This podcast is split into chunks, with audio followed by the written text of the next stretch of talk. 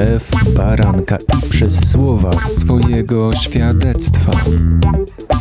Prawdziwe historie prawdziwych ludzi, którzy spotkali Jezusa. Witam słuchaczy Radia Chrześcijanin. Dzisiaj jest gościem Ryszard, Ryszard Sadowski. Witam Cię. Witam Ciebie i witam wszystkich słuchających. Tydzień temu y, słuchaliśmy świadectwa Magdy, która jest żoną Ryszarda i razem prowadzą misję ojcowskiego serca Boga. Później nie będziemy mieć na to czasu, więc proszę powiedz w trzech słowach, co to jest. Misja ojcowskiego serca Boga. Jest to wspaniała misja. Mamy ją co prawda od 2017 roku. To jest dzieło Boże. Mówimy o miłości, o Jego sercu, o tym, że to jest kochający Bóg. Jest Twoim i moim prawdziwym Ojcem. I Ty jesteś Jego prawdziwym synem i prawdziwą córką. Zagłębiamy się w Jego serce. Z tego co wiem, to w ogóle to jest dosyć rozszerzony program i całkiem dużo ludzi uczestniczy w tych szkołach, wychodzą przemienieni. Jeszcze może namiar, strona internetowa czy coś takiego, a potem przejdziemy do Twojej historii. Wspomniałeś o szkołach. Tak. W tej chwili prowadzimy w Polsce trzy szkoły. Jest to roczna szkoła synostwa w Warszawie, w Poznaniu i w Elblągu. Jesteśmy już po jednym roku takiej szkoły i ku naszemu zaskoczeniu, pozytywnemu zaskoczeniu, Bóg był tam obecny i to On wykonywał operacje na ludzkich sercach. Były przełomy.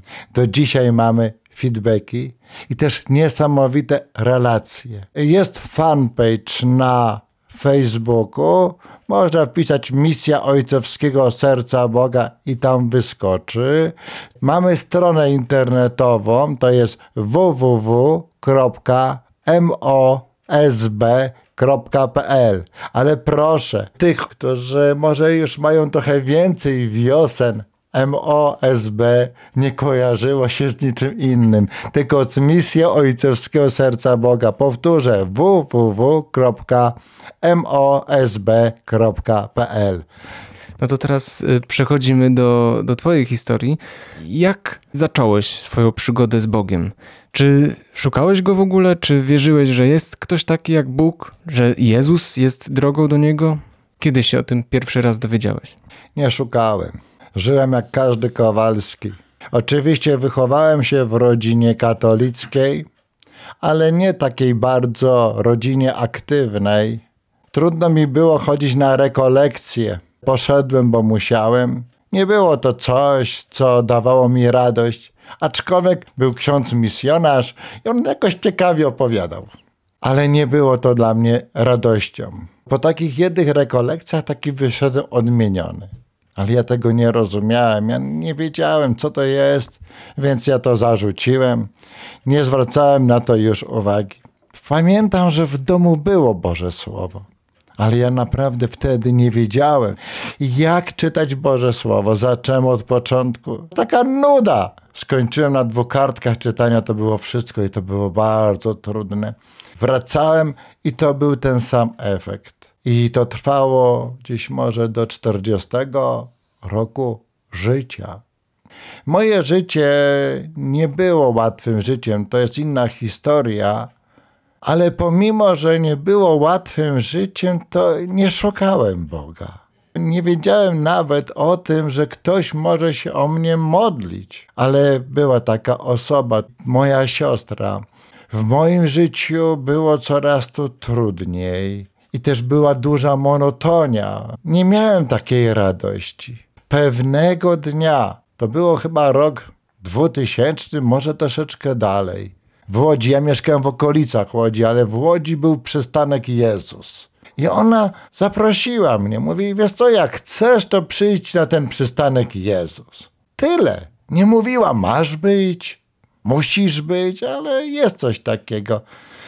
Tonący brzytwy się chwyta, nieważne, że się porani. Ja być może byłem wtedy w takim miejscu jak ten tonący. Ja tam pojechałem.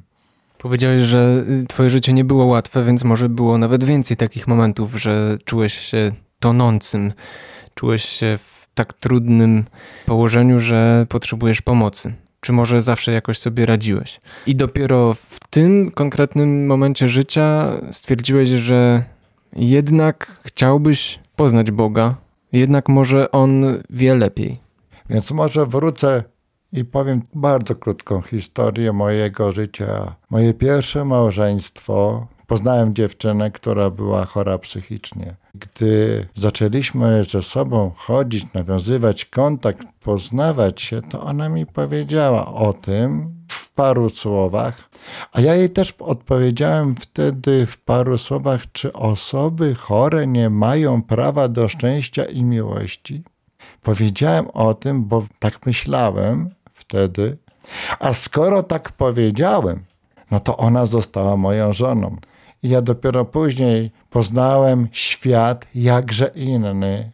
Świat, gdzie okna są zakratowane, a drzwi bez klamek. Świat szpitali dla osób chorych psychicznie.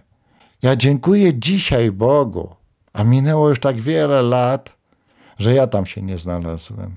Wizyty były bardzo trudne. Gdy wspomniałem wcześniej, że dla mnie życie było trudne, to miałem na myśli. Ja nie mogłem liczyć na moją żonę, że mnie wesprze, gdyż ona sama potrzebowała pomocy. Miałem też z tego związku córkę i pomimo, że mieszkaliśmy w domu jednorodzinnym na piętrze, to na parterze mieszkali teściowie. Trudna to była sytuacja. Teraz musimy na chwilkę przerwać, bo taka jest natura tej audycji. Będzie piosenka i po przerwie kontynuujemy. Słuchasz Radia Chrześcijani, ewangelicznej stacji nadającej z myślą o Tobie. Wracamy do rozmowy z Ryszardem o świadectwie jego nawrócenia. Do nawrócenia jeszcze za chwilkę dojdziemy. Mam nadzieję, że jeszcze w tej drugiej części naszej rozmowy. A teraz jeszcze kontynuujemy tę historię trudnego, jak sam Ryszard określił, życia. Co stało się dalej w związku z chorobą psychiczną twojej pierwszej żony? To był też czas mojego narodzenia czy nawrócenia na nowo. O tym powiem za chwilę. Ale nie opuszczałem jej. Nie szukałem możliwości rozwodu wtedy. Wierzyłem, że ona będzie uzdrowiona. Tak się nie stało. Nie wiem dlaczego, Bóg wie. Może dlatego, że przyszedł moment, chociaż Bóg jest kochającym Ojcem i wspaniałym, ale też daje wolność. Być może ona z tej wolności nie skorzystała, bo przed moment, że podczas pobytu w szpitalu poznała współpacjenta. Ja już byłem jako ten drugi, albo może trzeci, ten czwarty, bo ten współpacjent był wtedy najważniejszy, być może był najważniejszy niż Bóg. Ale ja to wszystko brałem na chorobę. Nadal wierzyłem, że między nami wszystko się ułoży, że będzie na tyle uzdrowiona, że to życie będziemy dalej prowadzić.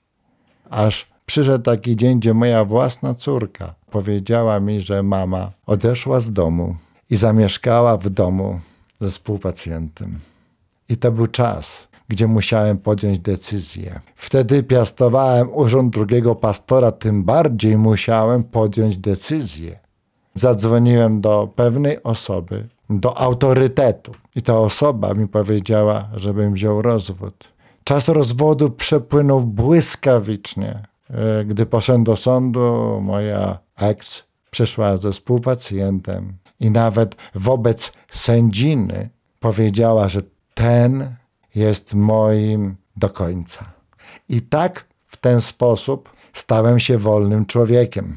I chcę powrócić do tego wątku, że ktoś się o mnie modlił, gdzie poszedłem na ten przystanek Jezus to, jakie miałem życie, wizyty w szpitalach i mieszkanie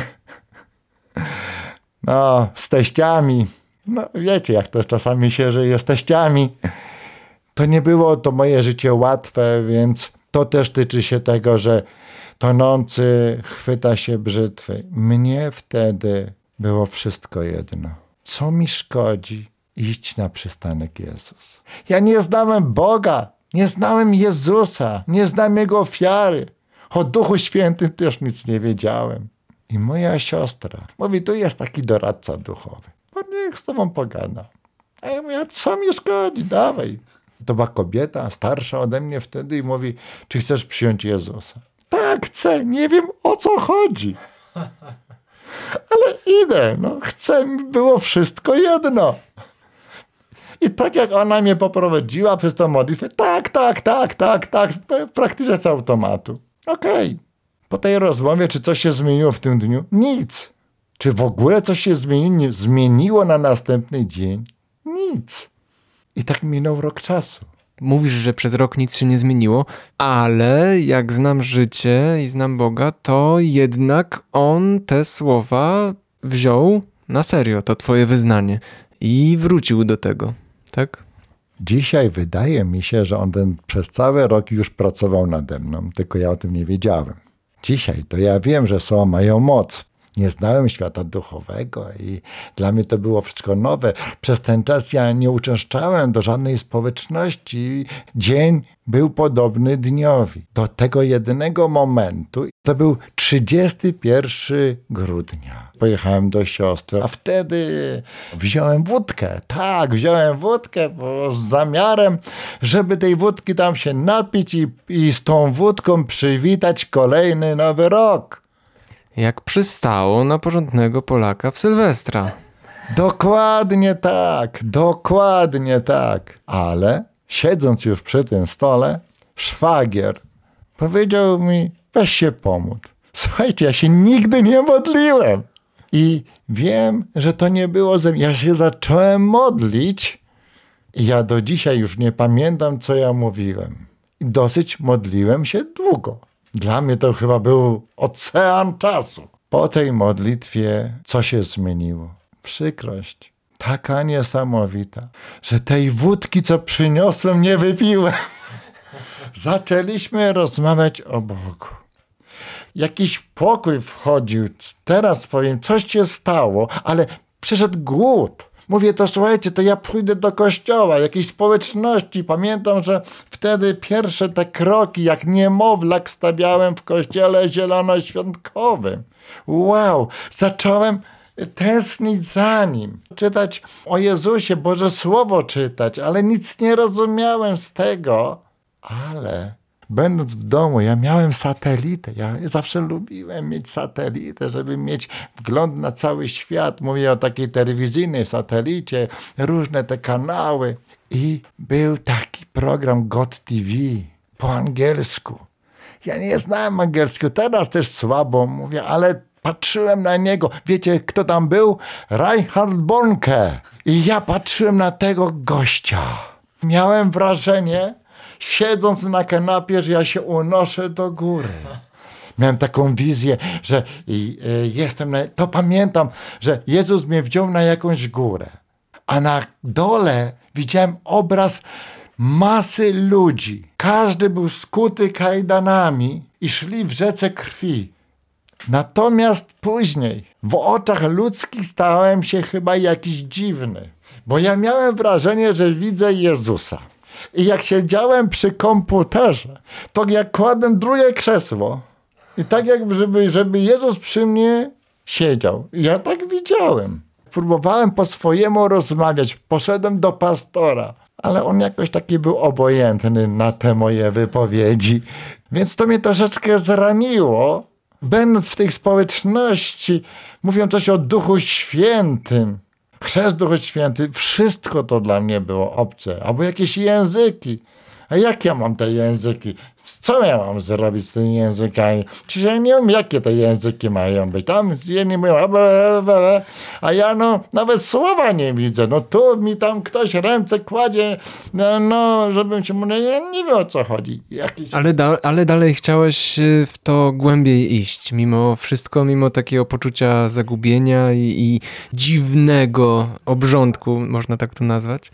Za chwilę będziemy kontynuować, bo teraz jest czas na przerwę. Zostańcie z nami.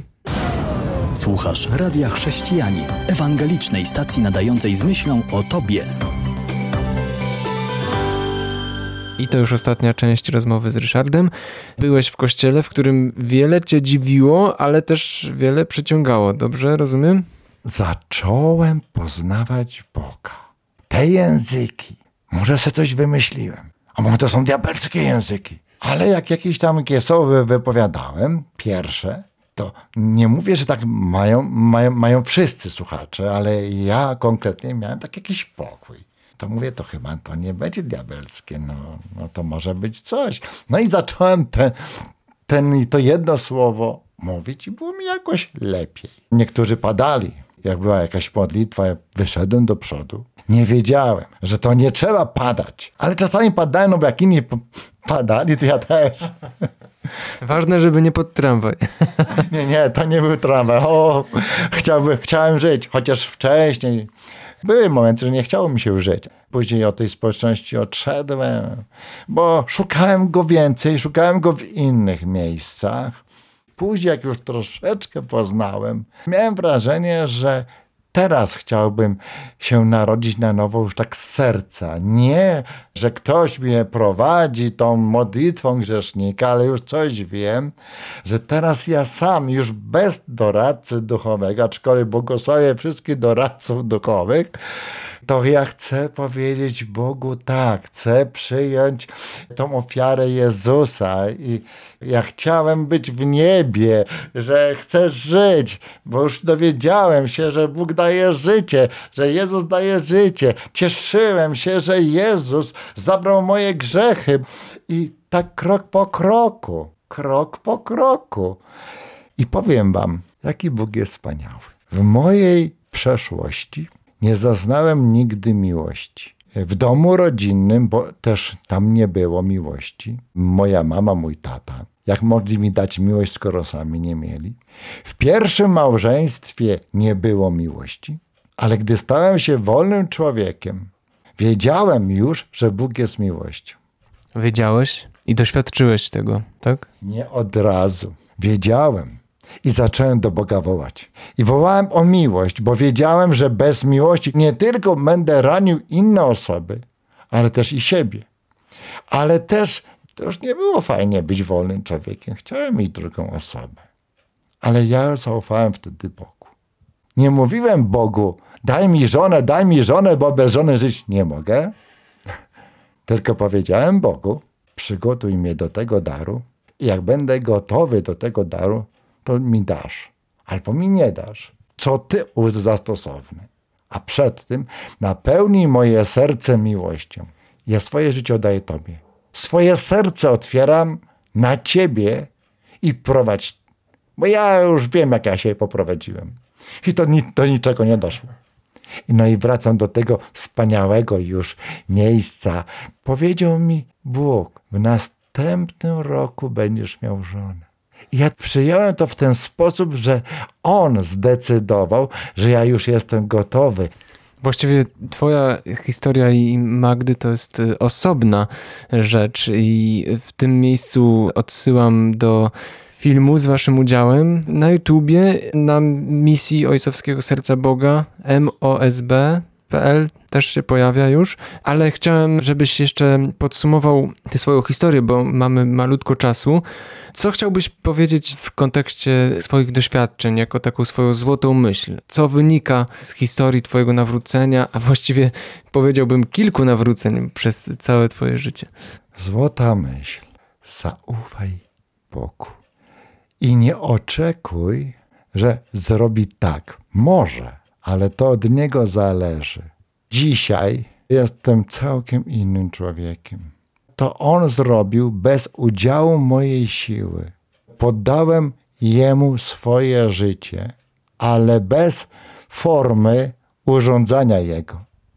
Więc Ojcze, bierz moje serce, bierz mnie, zrób ze mną co zechcesz, według Twojej woli, bo ufam Ci, że cokolwiek byś zrobił, to uczynisz to dobrze.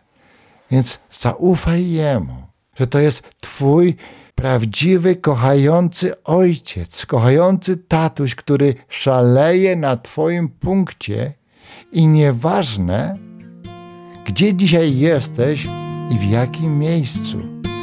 Bóg może i On pragnie, bo Ciebie kocha, przemienić Twoje życie, jeżeli Mu na to pozwolisz.